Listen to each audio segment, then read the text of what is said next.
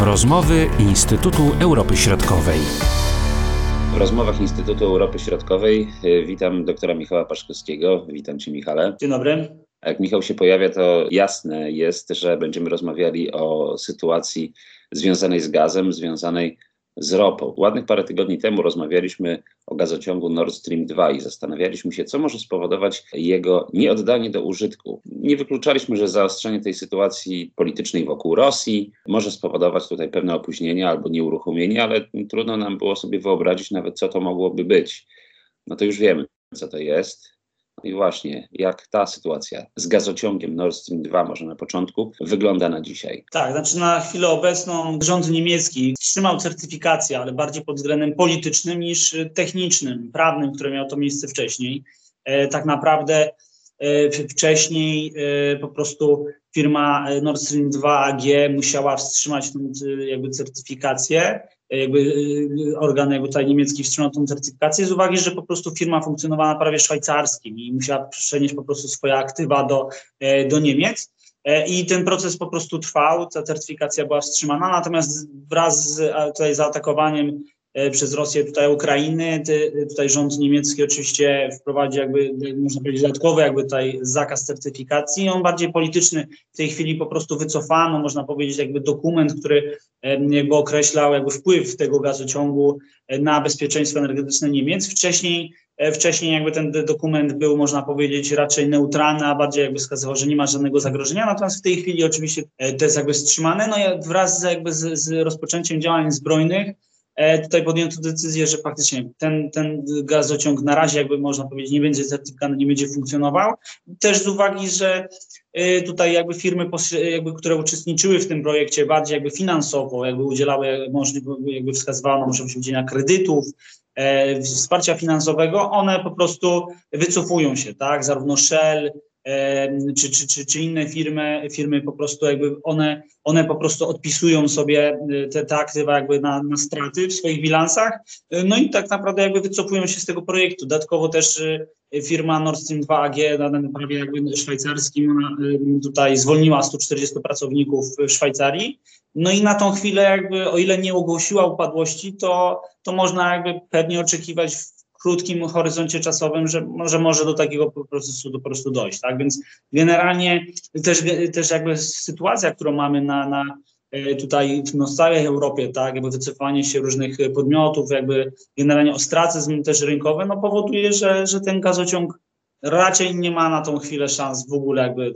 rozpocząć funkcjonowania i raczej zostanie po prostu całkowicie jakby zażegnany. Tak. Właśnie miałem o to zapytać, czy to oznacza, rzeczywiście, że to jest koniec tego projektu. Czy tutaj mogą się pojawić pewne sytuacje i one gdzieś są na, na horyzoncie nawet, które mogą powodować, że pomimo takiej, a nie innej sytuacji na Ukrainie, że ten gazociąg jednak może być uruchomiony za jakiś, powiedzmy, nawet odległy czas. Po 2014 roku, po e, rozpoczęciu działań zbrojnych przez, przez Rosję na Ukrainie, e, aneksji jakby tutaj Krymu, e, faktycznie no, ten, ten, ten, ten gazociąg nadal jakby, jego postępy w pracach nadal, nadal miały miejsce, tak? Natomiast Wydaje się, że biorąc pod uwagę chociażby te obecnie jakby działania jakby Komisji Europejskiej, plan dotyczący uniezależnienia się tutaj Unii Europejskiej od, od Rosji, no raczej e, uwzględniając chociażby tego typu działania, no trudno będzie po prostu e, jakby wskazać, że, te, że ten gazociąg, e, jakby no, trudno wskazać jakiekolwiek punkty, które mogłyby świadczyć o tym, że ten gazociąg w przyszłości powstanie. Jeżeli już, no to w zależności od kształtującej się sytuacji na, na pewno będzie maksymalizowane dostawy gazu ziemnego przez Nord Stream 1, ewentualnie te obecnie jakby trasy, które funkcjonują, tak, a Nord Stream 2, no, no dobra, trudno jest wskazać. Ja uważam, że raczej mała jest szansa na, na, na powstanie tego gazociągu. A co teraz właśnie z zaopatrzeniem w, w, gaz poszczególnych państw Unii Europejskiej? Wiemy, jaka jest sytuacja Polski, prawda? My jakby konsekwentnie od lat tutaj pracowaliśmy nad dywersyfikacją i to widać po wszystkich wskaźnikach, prawda? Ile tego rosyjskiego gazu e, do nas dopływa i z roku na rok, jak, ta, e, jak te wielkości spadają. Natomiast jeśli chodzi o poszczególne inne państwa, jeśli chodzi o Niemcy, z tych informacji, co E, przekazywałeś kilka tygodni temu, ja to dobrze zapamiętałem, to 45% rosyjskiego gazu w Unii Europejskiej. No i teraz jak w tym dosyć szybkim, krótkim czasie można znaleźć inne źródła? Mówiliśmy, że to raczej jest mało prawdopodobne, tylko oczywiście trzeba jakiegoś konkretnego planu i innych dostawców. Jak to wygląda na dzisiaj? Jaki może być ten plan unijny w tej sprawie? Tak, znaczy plan unijny, który też został przedstawiony 8 marca, ale wcześniej też Międzynarodowa Agencja Energii przedstawiła taki, taki plan jakby dziesięciopunktowy, który dotyczy zmniejszenia zależności e, tutaj od Rosji w tym krótkim horyzoncie czasowym. E, I tutaj jakby mówimy oczywiście jakby najbliższej zimie, która jakby no w październiku pewnie okres grzewczy jakby rozpocznie się, jakby gdzieś tam niższe temperatury ponownie się, e, się pojawią. Więc jakby w tym krótkim horyzoncie czasowym jakby dąży się do, do zmniejszenia zależności o to 100 miliardów metrów sześciennych jakby tutaj z Federacji Rosyjskiej. Natomiast w drugim horyzoncie około do 2027 mówi się przede wszystkim 2030 o pełnym jakby uniezależnieniu się od Rosji.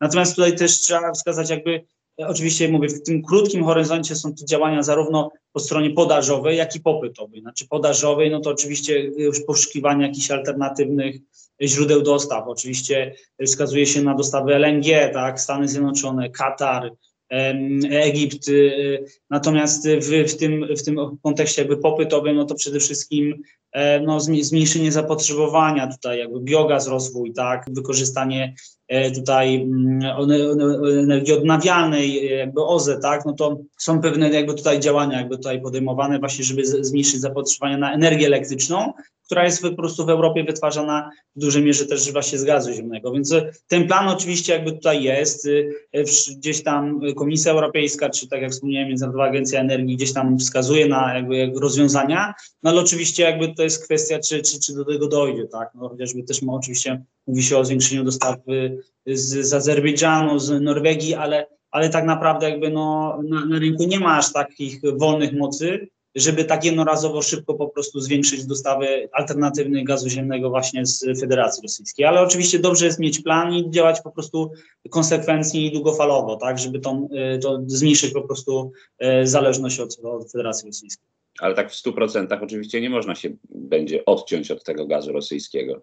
Po prostu, jeżeli mówimy o tym o poziomie 45, niektóre dane wskazują na 40, a niektóre na 35%, ale nawet trzymając się jakby tego poziomu chociażby 45 czy 40, e, to nie oznacza, że jakby trzeba całkowicie jakby, jakby wstrzymać tutaj dostawy gazu ziemnego z Federacji Rosyjskiej. Chodzi o to, żeby ten, ten udział jakby zmniejszył się na tyle bezpiecznie, i tak, żeby w poszczególnych państwach były mechanizmy umożliwiające nawet w sytuacji wstrzymania dostaw gazu ziemnego po prostu y, szybki po prostu reakcje, tak? Mówi się jakby w tych planach chociażby Komisji Europejskiej zarówno jakby taki podstawowy, czyli obowiązek jakby minimalnego utrzymywania zapasów gazu ziemnego przez, przed okresem y, tutaj grzewczym, ale też oczywiście rozwój infrastruktury, interkonektory pomiędzy państwami i chociażby na przykład na tej, y, można powiedzieć, ścianie, ścianie zachodniej. Y, y, około 33 bodajże procent zdolności regazyfikacyjnych w Europie i one mają, one w, istnieją w Hiszpanii, ale nie ma odpowiednich połączeń infrastrukturalnych pomiędzy Hiszpanią a kontynentalną, dalej jakby tutaj Europą, Francją, więc jakby tutaj wskazuje się na rozwój tej infrastruktury, aby te istniejące chociażby terminale, żeby je w pełni po prostu wykorzystywać, więc, ale to mówię, to nie oznacza, że jakby w pełni jakby korzystamy, eliminujemy jakby gaz ziemny rosyjski z, z, tutaj z bilansu energetycznego Europy. Nie, to chodzi o po prostu tak, tak zmniejszenie, aby w sytuacji jakiejkolwiek kryzysowej i tak móc po prostu wykorzystywać e, po prostu alternatywne źródła. A co z węglem wobec tego? Nie ma do niego powrotu, czy tutaj mogą się jakieś pojawić jaskółki w tym temacie? W tym krótkim horyzoncie czasowym na pewno jakby można oczekiwać, że, że, że, że węgiel no, będzie odgrywał ważną rolę, tak? No bo jeżeli mówimy tutaj o jakby szybkim uniezależnieniu się od Federacji Rosyjskiej i zmniejszeniu tego zależności, no to bez węgla po prostu też się nie da, nie da się po prostu tego, tego zrobić, tak? Więc y, o ile Polska na przykład planuje chociażby import y, węgla z Australii, tak, y, gdzieś tam też w Europie pojawiają się RPA, ale, ale tutaj oczywiście mówię, na pewno docelowo tutaj można oczekiwać chociażby te, te, te jeżeli zostanie chociaż w minimalnym zakresie wprowadzony pakiet Fit for 55 czy, czy inne regulacje Unii Europejskiej, one będą dążyć właśnie, żeby, e, żeby po prostu ten węgiel jednak wyłączyć tak, z bilansu energetycznego, ale na pewno, na pewno będzie to po prostu dłużej niż wcześniej planowano. A co z ropą? Bo przecież ogromne ilości ropy naftowej tutaj dostarczane są na rynek zachodni i te zapowiedzi, no właśnie tutaj sankcji, prawda, i ograniczenie dostaw tej rosyjskiej ropy, jak one wpłyną właśnie na funkcjonowanie i rynku unijnego i tutaj naszej części Europy. E, to znaczy tak, no w tej chwili też trzeba pamiętać, że zarówno w kontekście ropy naftowej, jak i gazu ziemnego te dostawy rurociągowe, tak, e, one są realizowane, więc w tej chwili nie ma żadnych, e, nie, nie, nie żadne wstrzymania. Natomiast oczywiście, tak jak rozmawiamy tutaj, uzależnienie jakby, Rosji, jakby od Rosji Europy jest nie tylko w kontekście gazu, węgla, ale też oczywiście tej ropy naftowej.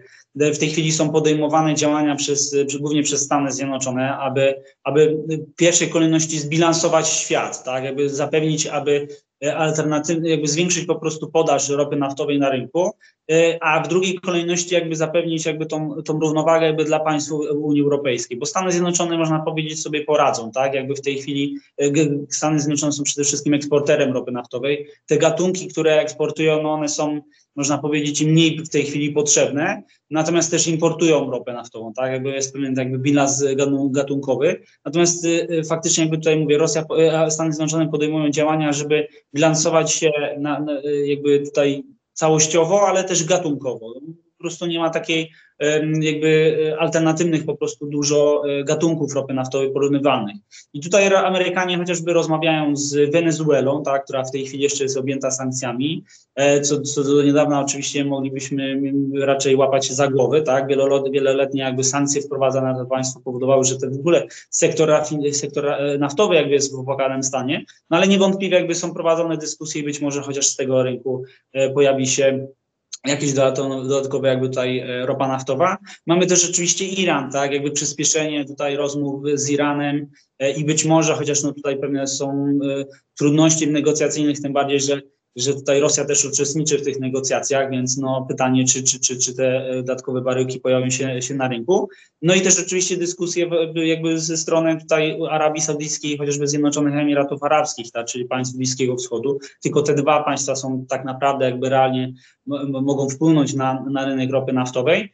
E, no i zobaczymy, tak, jakby na pewno mm, jakby wprowadzenie pełnego embarga przez Unię Europejską na tą chwilę jest, jest niemożliwe. O ile powiedzmy infrastruktura jest, która pozwoliłaby import ropy naftowej z różnych kierunków, no to problematyczny jest przede wszystkim rodzaj tutaj no, gatunku ropy naftowej, tak, jakby Rosja eksportuje specyficzny rodzaj e, ropy naftowej, no mówię, chociażby porównywane gatunki są w Arabii Saudyjskiej, w Iraku, w Iranie, e, czy też w Wenezueli, no ale to po prostu trzeba czasu, tak? Jakby jest to, tak, tak na, na, na szybko po prostu nie jest to po prostu możliwe. Ile tej ropy naftowej rosyjskiej trafia do Unii Europejskiej? Tak jak w przypadku gazu, tutaj podawałeś te dane na poziomie powiedzmy tych 45% maksymalnie. Jak tutaj wygląda, jeśli chodzi o ropę? Tak, znaczy mówi, mówi się około 2 milionów 700 y, baryłek y, ropy naftowej dziennie. To jest około, e, wskazuje się na różne statystyki, powiedzmy, że w okolicach 30%.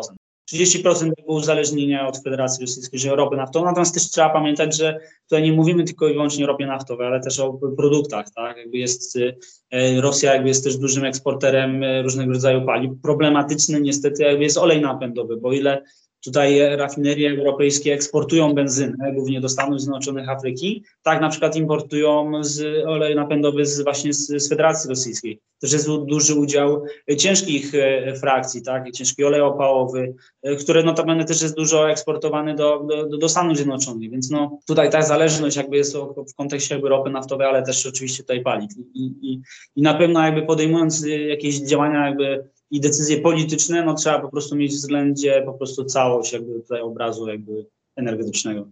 Czyli tutaj musimy się liczyć też, że raczej będzie to proces, nie takie ograniczenie na raz i wyłączamy, prawda? Tylko po prostu to musi być jakiś proces, który będzie pewnie długotrwały i też to szukanie tych y, innych źródeł też nie jest takie proste i na to potrzeba czasu. Tak, oczywiście, jak najbardziej. To na pewno będzie, będzie tutaj jakby proces wieloletni, no ale też oczywiście tutaj sama, sama Rosja, tak, jakby e, też ona będzie musiała podejmować jakieś działania, żeby biorąc pod uwagę, że 36% dochodów budżetowych to jest, e, jest generowane z, z ropy naftowej, gazu ziemnego, produktów paliwowych, no to jakby w tej sytuacji sama Rosja jakby objęta sankcjami, no, będzie po prostu musiała sama podejmować jakieś tutaj działania i, i zobaczymy, tak, jakby też y, kto, będzie po prostu dalej chciał współpracować z Rosją, bo, bo w tej chwili po prostu wiele firm, przede wszystkim europejskich, zachodnich, amerykańskich czy kanadyjskich po prostu się wycofuje z tego rynku. Cały czas to pytanie związane z Chinami, ale tam też chyba nie ma takiej infrastruktury, żeby przesyłać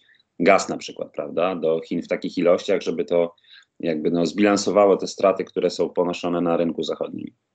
E, tak, zdecydowanie. Znaczy, e, oczywiście jest tutaj siła Syberii, tak, jakby słynny gazociąg, jest też rurociąg ESPO, który dostarcza ropę naftową do, mm, do morza, jakby nad Morze Japońskie, do, do terminala akurat w Koźmino i no i tutaj akurat faktycznie jakby oczywiście Rosja może przekierować jakieś ilości ropy naftowej gazu ziemnego na, na ten rynek azjatycki, ale to na pewno nigdy nie będzie jakby 100% tego, co jest eksportowane do Europy.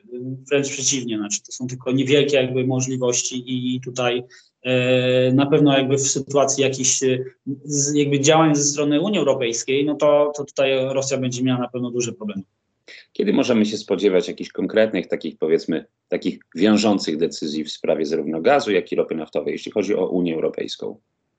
Znaczy tak jednoznacznie trudno wskazać, jakby na pewno na, na razie jakby została, Komisja Europejska przedstawiła plan. On pewnie gdzieś tam będzie dyskutowany i jakby ewentualnie wdrażany. Część może to być w formie jakby regulacji prawnych, a część może być po prostu gdzieś tam rekomendacji. Więc jednoznacznie trudno powiedzieć. Na pewno, jeżeli chodzi o gaz ziemny, no to e, tutaj Unia Europejska, państwa Unii Europejskiej będą budować e, no jak najbardziej jakby tutaj aktywne działania, żeby przede wszystkim przed tym 1 października, tak, E, po prostu przygotować system e, właśnie e, gazowy na ewentualne jakieś perturbacje kolejne, a przede wszystkim no, przygotować się i zmniejszyć to uniezależnienie. Natomiast jeżeli chodzi o ropę naftową i, i produkty, no to, to, to też będzie po prostu jakby falowo, a biorąc pod uwagę, że te, te rynki nie są regulowane, no to tutaj, tutaj po prostu trzeba podejmować samodzielne poszczególne przedsiębiorstwa, ale musiały po prostu podejmować tutaj działania. Bardzo dziękuję Michale za tę rozmowę. Dziękuję, do usłyszenia. Dziękuję. Były to rozmowy Instytutu Europy Środkowej.